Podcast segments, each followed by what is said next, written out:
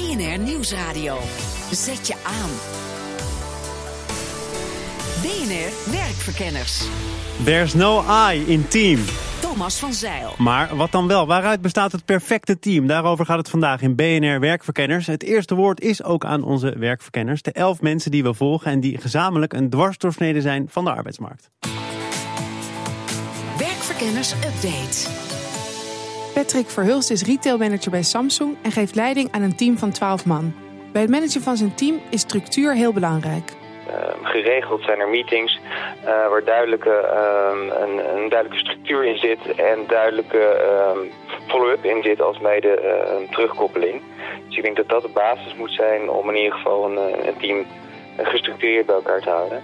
En dan is het natuurlijk ook belangrijk wie er in dat team zitten. Een team samenstelt waarin de onafhankelijke uh, personen die erin uh, in zitten, dat die in ieder geval binnen bedrijfscultuur passen. Daarnaast moet er een balans zijn tussen uh, denkers en doeners. dat er in ieder geval een gezonde balans zit, dat ze elkaar triggeren. En ik vind het ook belangrijk dat, er, dat ieder individu uit zo'n team ergens in uitblinkt. De vraag of iemand in een team past speelt ook een rol in de sollicitatieprocedure van nieuwe medewerkers. Er wordt gekeken naar meer dan alleen het cv en de persoonlijkheid van de kandidaat. Wij doen ook altijd aan, aan rollenspellen um, en op die manier en een aantal uh, vragen uh, die we standaard hebben, um, ja, proberen zo iemand zo goed mogelijk te doorgronden. En kijken we één naar zijn kwaliteiten, maar ook hoe die persoon eventueel in dat team dan uiteindelijk uh, zou passen. Dit was het weer voor deze week. Wil je meer weten over onze werkverkenners? Kijk dan even op de website bnr.nl slash werkverkenners. De bijdrage was van redacteur Laura Walburg. Mijn gasten van vandaag zijn Anke Baak, directeur Global Clients bij organisatieadviesbureau Schouten Global. Ook schrijver van het boek Improving Teams. Oud Hockey International trainer en columnist voor de Telegraaf en NOS. Jacques Brinkman en Raimo van der Klein, medeoprichter van Teamly. Dat software ontwikkelt om teams beter te laten functioneren. Welkom allemaal. Anke, om bij jou te beginnen. De centrale vraag van vandaag is, hoe maak je het perfecte team? Laten we eenvoudig beginnen. Bestaat dat perfecte team wel? Of moeten we uitgaan van een team dat misschien die perfectie ergens een klein beetje benadert? 100% garantie heb je nooit bij voorbaat. Maar één ding weten we heel goed. Dat heel belangrijk is in welk team dan ook. Dat er een gedeelde ambitie is. En dan iets met een doel wat uitgaat boven een alledaags doel. Iets wat eigenlijk een soort higher purpose is. Om het in slecht Nederlands te zeggen. Uh, waar men met elkaar voor wil gaan. Dat maar moet, je, wij, moet het ja. doel ook zijn het perfecte team? Of moet je je al van tevoren realiseren. Ja dat is niet haalbaar? Um, je moet volgens mij gaan voor het hoogst haalbare. En je moet met elkaar iets creëren waardoor je bereid bent die extra mile te gaan. En dat begint inderdaad met een gedeelde ambitie. En wat wij dus noemen een collectieve ambitie. En in welk team dan ook is dat heel erg uh, belangrijk. Raimo, jij hebt de Teamily ontwikkeld. Een van de medeoprichters van dat nieuwe bedrijf. Omdat jij zag dat er heel veel misgaat in teams. Wat gaat er dan mis? Nou, wat je ziet uh, vandaag de dag is uh, het perfecte team kan je samenstellen op het moment dat je weet in welk spel je speelt en wat je wil winnen. He, dus als je wil hockeyen, dan kan je heel goed hockeyteam samenstellen. Als je de Mount Everest wil beklimmen, kan je heel goed de Mount Everest uh, een ploeg samenstellen. Dus een hockeytrainer heeft het makkelijk? Nee, een hockeytrainer die, die kan een handpicked team maken. Dat is ook zijn taak. Um, terwijl wat je nu ziet in het bedrijfsleven vaak is dat de spelregels constant verwisselen. Het zou hetzelfde zijn als bij hockey. Je opeens zeg maar de spelregels wisselt en vlak voordat je het veld opkomt blijkt dat je geen hockey speelt, maar waterpolo. Dus zo zit de markt vandaag de dag eruit. En hoe moet je dan teams samenstellen? Dus dat zagen wij dat het bedrijfsleven zo verandert. Dat constant de spelregels veranderen, constant het spel verandert waarin je speelt. Uh, maar, de... maar, wisselende omstandigheden vragen dan ook om wisselende teams. Ja, ja, dus constant dynamische teams maken. Dus waar mensen in en uit kunnen stappen. Waarbij je constant ook kijkt naar wie is nou het beste leider in deze fase. Dat is wat er nu mist. We gaan nog steeds uit dus dat we eenmaal een team samenstellen. Wat een missie aangaat. Maar wij zeggen ja, tijdens die missie verandert de wereld al zoveel. Is dat dat niet meer werkt op die manier. Dus maar stel je, je bent meer... werkgever of je bent coach. Dan, dat is toch eigenlijk nauwelijks bij te benen dan? Uh, nou, gelukkig hebben we daar technologie voor. Dus technologie kan daar een stukje in ondersteunen om duiding te geven in waar staan we nu precies, wat is er aan de hand, wat is de fase, wie hebben we in het team zitten en wie kan nu het beste leiding nemen. Jacques Brinkman, bij jou waren de regels tamelijk duidelijk als hockeyspeler en ook als hockeycoach.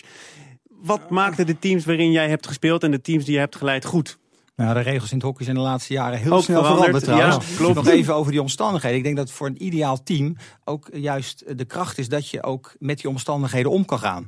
Dus als je het in sporttermen praat, je hebt een goede keeper nodig, je hebt fundament nodig, je hebt alle posities goed bezet, je hebt een achtergoede middenveld, je moet alleen niet, eh, niet alleen maar doelpuntenmakers hebben, maar je hebt ook eh, mensen nodig die dus om kunnen gaan met tegenslag. Onze Olympische eh, finales in 96 en 2000, we wonnen uiteindelijk goud, maar we stonden in beide finales 1-0 achter. En wat doe je dan? Dus je hebt dan ook ervaring nodig en jeugdige eh, onbevangenheid. Die combinatie en die mix is ook belangrijk in een winnend team. Maar jij gaat uit van een team dat ondanks die veranderende omstandigheden blijft staan en boven zichzelf kan uitgroeien. Jij zegt eigenlijk, eh, misschien moet je die teams veranderen. Nou, ik, dus als, als je bijvoorbeeld kijkt, hè, stel je voor, je, je bent als retailer bezig en je hebt een team samengesteld om een perfecte nieuwe winkelformule te bedenken.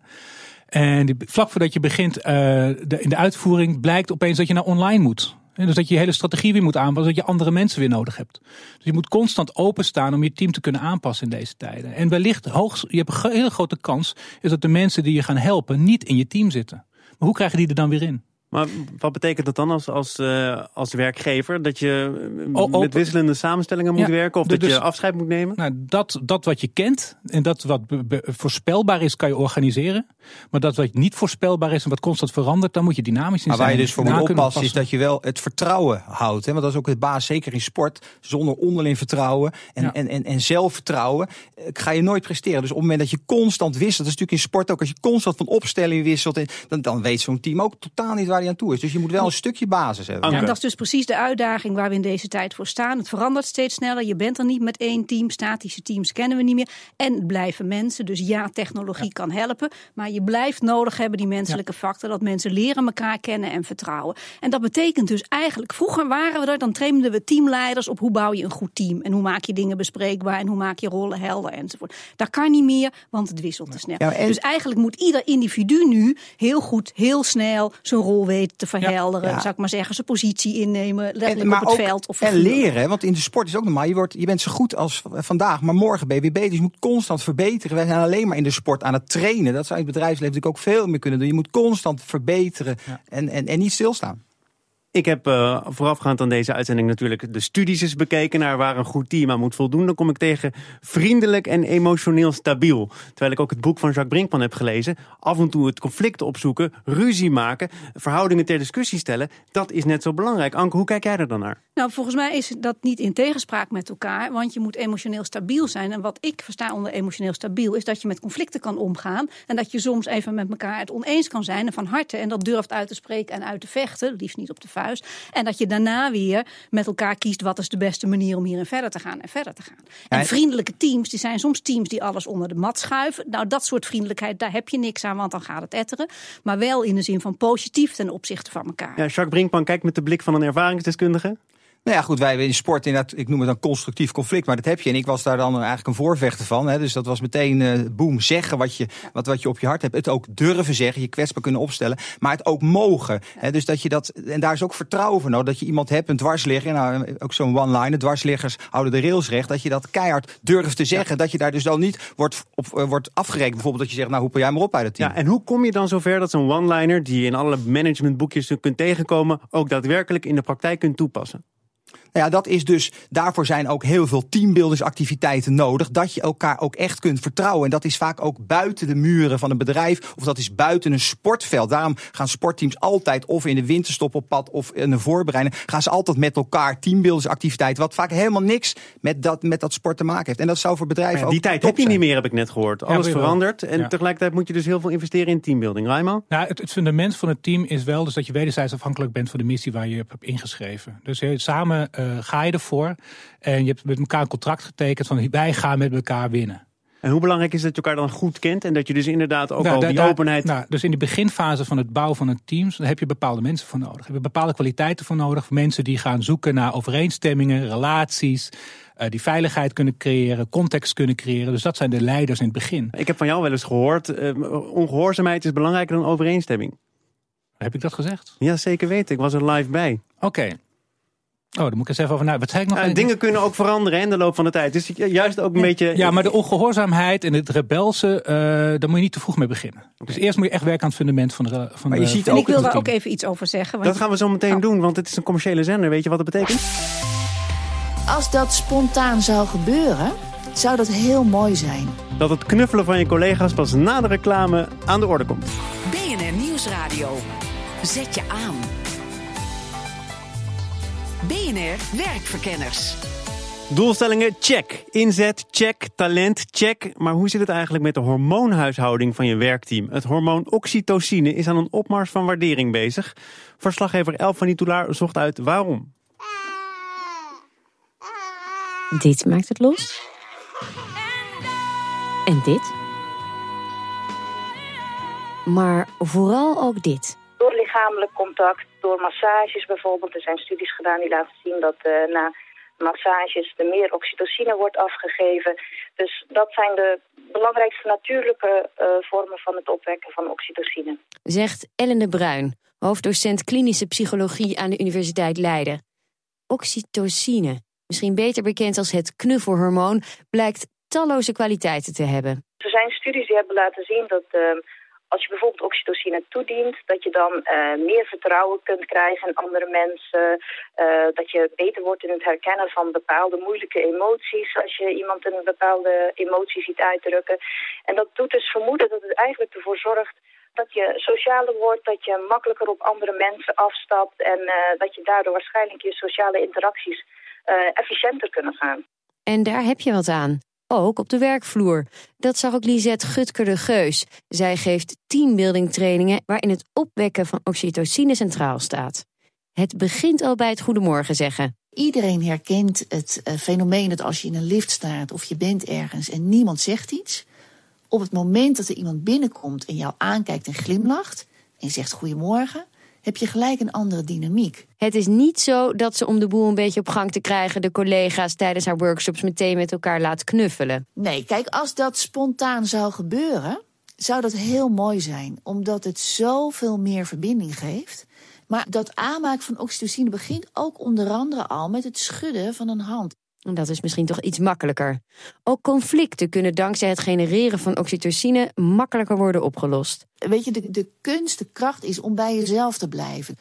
Nou ja, dat is eigenlijk voor elke relatie waar jij het vertrouwen in hebt. Dat je, dat je weet van als ik eh, mijn mening geef, gaat niet mijn kop eraf. Want dat is vaak wat in organisaties heerst. Er heerst heel vaak een angstcultuur. Ook Ellen de Bruin ziet talloze mogelijkheden voor oxytocine en werkt mee aan onderzoeken waarin wordt gekeken naar het effect van het toedienen van dit hormoon bij mensen. De resultaten lijken veelbelovend, maar het is niet voor iedereen een wondermiddel. Of oxytocine wel of niet tot positieve effecten leidt, is afhankelijk van ja, een heleboel karaktereigenschappen. Maar ook bijvoorbeeld of je tot een ingroep vo- voelt behoren of juist net tot de outgroep. Dus je gaat niet tegen iedereen zomaar op zijn eens ontzettend sociaal en positief eh, doen. Dat is vanuit een evolutionair oogpunt ook niet zo goed natuurlijk. Nee, de concurrent blijft dus gewoon de concurrent. Maar iets aardiger doen tegen je directe collega's kan dus wel degelijk zijn vruchten afwerpen. Dat zei Ellen de Bruin, universitair hoofddocent klinische psychologie aan de Universiteit van Leiden. Bij mij te gast zijn Anke Baak, director Global Clients bij organisatieadviesbureau Schouten Global, oud-tophockeyer, columnist van de Telegraaf Jacques Brinkman en Raimo van der Klein, medeoprichter van Teamily.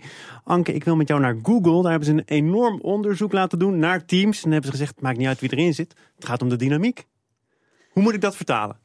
Ehm, dynamiek is heel erg eh, belangrijk. Eh, je kan soms met een aantal topmensen toch een hele negatieve dynamiek krijgen. En dat heeft misschien ook wel een beetje te maken met wat in het voorgaande stuk werd besproken. Ehm, ben je in staat om elkaar sterktes te versterken? Of heb je een team met allemaal hele sterke mensen die elkaar zwaktes vooral nog eens gaan zitten uitvergroten? Dan kom je in een slechte dynamiek. En hoe weet je als werkgever dat je die dynamiek op orde hebt? Hoe kun je dus dat team zo samenstellen? Ehm, dat weet je nooit helemaal van tevoren. Dat betekent vinger aan de pols houden. Dat betekent ook investeren in het team, zou ik maar zeggen, als het heel erg belangrijk is, uh, begeleiden door, hè, wat Jacques ook net zegt, zorgen dat er een goede coach op zit. Maar dat Ehm, betekent dat een team eigenlijk niet zo vrij kan opereren. Je, je kunt ook zeggen, laat dat team het even zelf eh, uitzoeken en vinger aan de pols niet al te veel. Nee, ben ik helemaal mee eens. Een goede coach zal er ook nooit bovenop zitten als het gaat over eh, teamcoach. Eh, Zoveel mogelijk het, eh, zijn eigen werk laten doen. Maar bijvoorbeeld, kijk, een mooi voorbeeld is wat er net gezegd werd over die oxytocine. We weten dat emoties noemen we zijn besmettelijk. Hè, dus als er een paar negatieve lieden in een team zitten, dan wordt het een gauw een negatieve sfeer. Leren mensen gewoon het vanuit de positieve kant en de sterktes te benaderen. Hè, en wij noemen dat vanuit de positieve psychologie. Ga je op de kwaliteiten zitten, dan zie je dat er al snel een positieve dynamiek komt. En dan hoeft er misschien geen begeleiding op. Maar zeker als het een heel belangrijk team is, kan dat geen kwaad. Jacques, hoezeer moet die begeleiding een rol spelen? Of moet dat team het voor het grootste deel zelf kunnen uitzoeken? Nou ja, kijk, een begeleiding is zeker belangrijk. Goed leiderschap. Maar voorbeelden te over in de sport. Laten we het ook weer gezien. Feyenoord, FC Utrecht.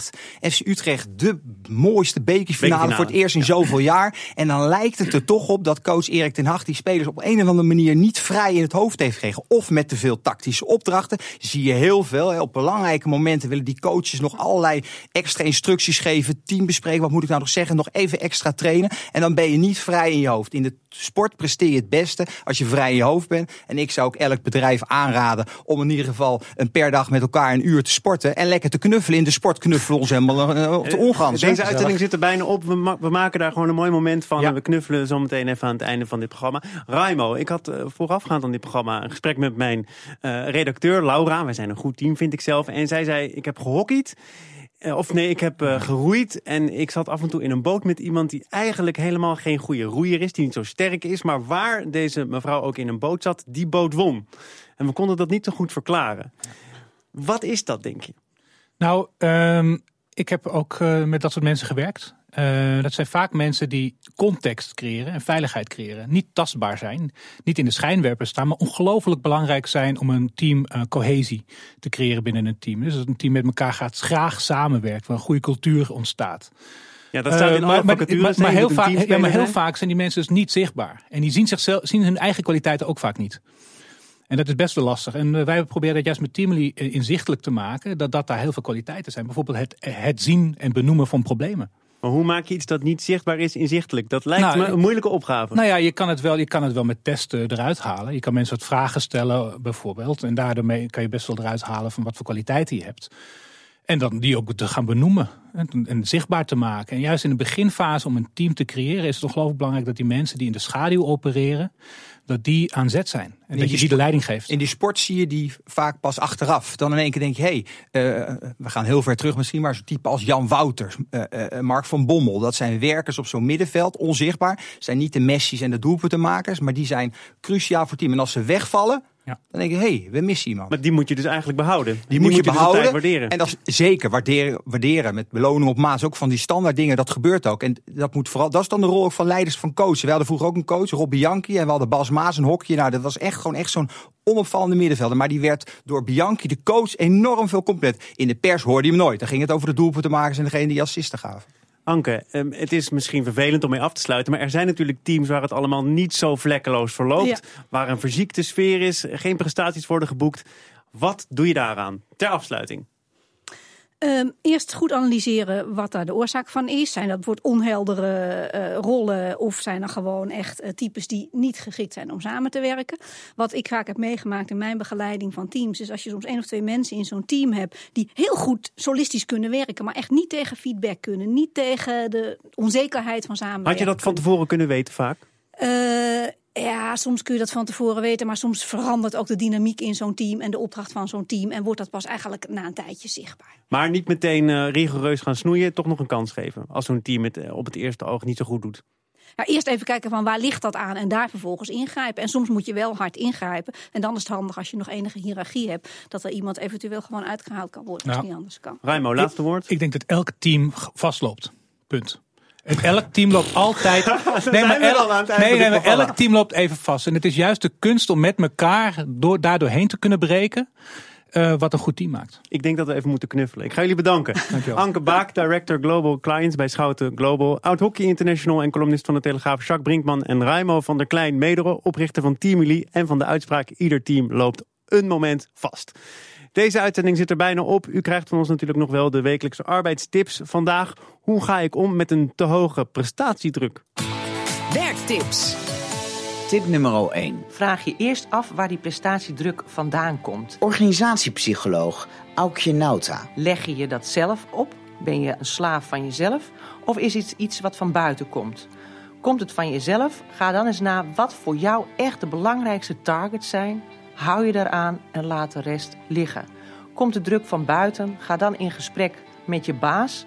Want je zult merken, door je kwetsbaar op te stellen, krijg je vaak heel veel behulpzaamheid terug. En kun je dan gezamenlijk tot afspraken komen over de belangrijkste taken en targets. Waardoor je ook nu weer de rest kunt laten liggen.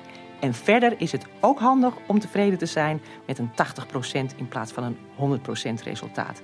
En die laatste tip is voor de perfectionisten onder ons. Tip nummer 2. Zorg dat je het juiste succescriterium kiest. Stressdeskundige Suzanne Kuisten. Als jij bijvoorbeeld een presentatie moet geven en je verwacht dat het publiek helemaal uitzinnig gedol van enthousiasme is, ja, daar heb jij geen invloed op. Maar je hebt wel invloed op je verhaal, hoe je daar gaat staan, of je daar rustig staat of dat je daar heel druk staat te doen. Dus zorg ervoor dat je doelstellingen hebt die realistisch zijn, die haalbaar zijn en die in je eigen invloedssfeer liggen. Tip nummer 3. Wees er blij mee, geniet ervan. Omdenkfilosoof Bertolt Gunster. Wat is er slecht aan stress? Helemaal niks. Uit onderzoek blijkt ook dat stress voor geest en lichaam gezond is. Ja, de kunst is natuurlijk om de goede stress op te zoeken. De stress die aansluit bij je talenten, bij je passies. En eigenlijk zodra je dat spoor hebt gevonden, dan kan je er eigenlijk bijna niet te veel van hebben. Dan gaat het helemaal vanzelf. Als een soort machine, als je op stoom komt, dan loopt het wel als een, als een soort dieseltje. Dan gaat het helemaal vanzelf. Nou, als je dat gevoel niet hebt, dan is niet de prestatiedruk het probleem. Dan is het probleem dat de prestatiedruk niet klopt bij wat je wil en wat je kan. En dan moet je niet kijken naar de prestatiedruk, maar wat ik doe sluit het wel aan bij wat ik wil en kan. Daar ligt daar het probleem. Tips verzameld door verslaggever Higo Kranten zijn terug te vinden op onze site. Tot zover deze uitzending van Werkverkenners. Volgende week dan zijn we er natuurlijk weer. Check ons tot die tijd op werkverkenners.nl. Kunt u zich ook abonneren op de nieuwsbrief. Wilt u de uitzending nog eens terugluisteren? Dat kan op bnr.nl slash werkverkenners. Bedankt voor het luisteren en werk ze!